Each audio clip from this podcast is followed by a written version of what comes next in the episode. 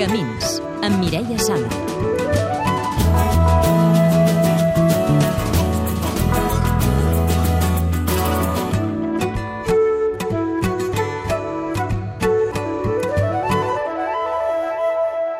¿Qué tal, Adela? Mira. ¿Cómo estás? ¿Cómo va? Bien. ¿Sí? Sí, Seu de Projecte Home, ONG d'ajuda a les drogadiccions. ¿Estás nerviosa? sí, un poquito.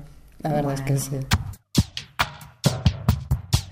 Pero contenta. ¿Estás contenta? Sí. El El problema, de la formación. Yo bebí alcohol. Yo empecé, sí, un mal momento, ¿no? Por 15 pesetas. Vamos.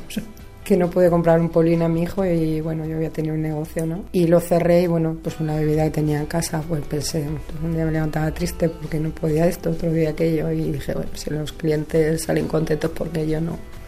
Y esa fue mi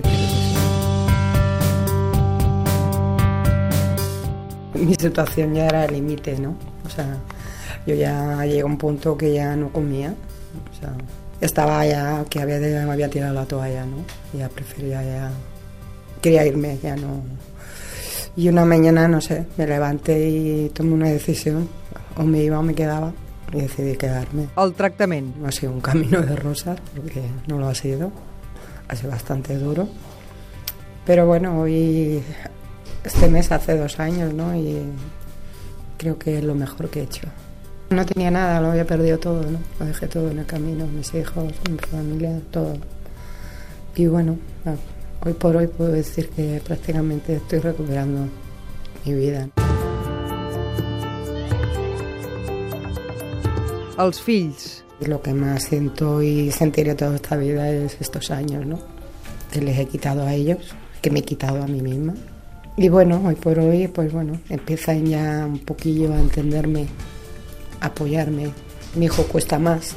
Lo dejé por imposible porque me hacía más daño, ¿no? El llamarlo y el que no me cogiera el teléfono. Y bueno, tomé la decisión de dejar que él se tomara su tiempo. Y eso he hecho. Y bueno, estoy recibiendo recompensa.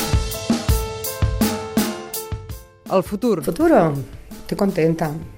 Yo ahora mm, me encuentro feliz.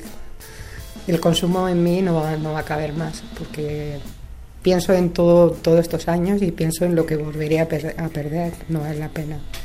Soy otra persona realmente y quizás mejor que antes.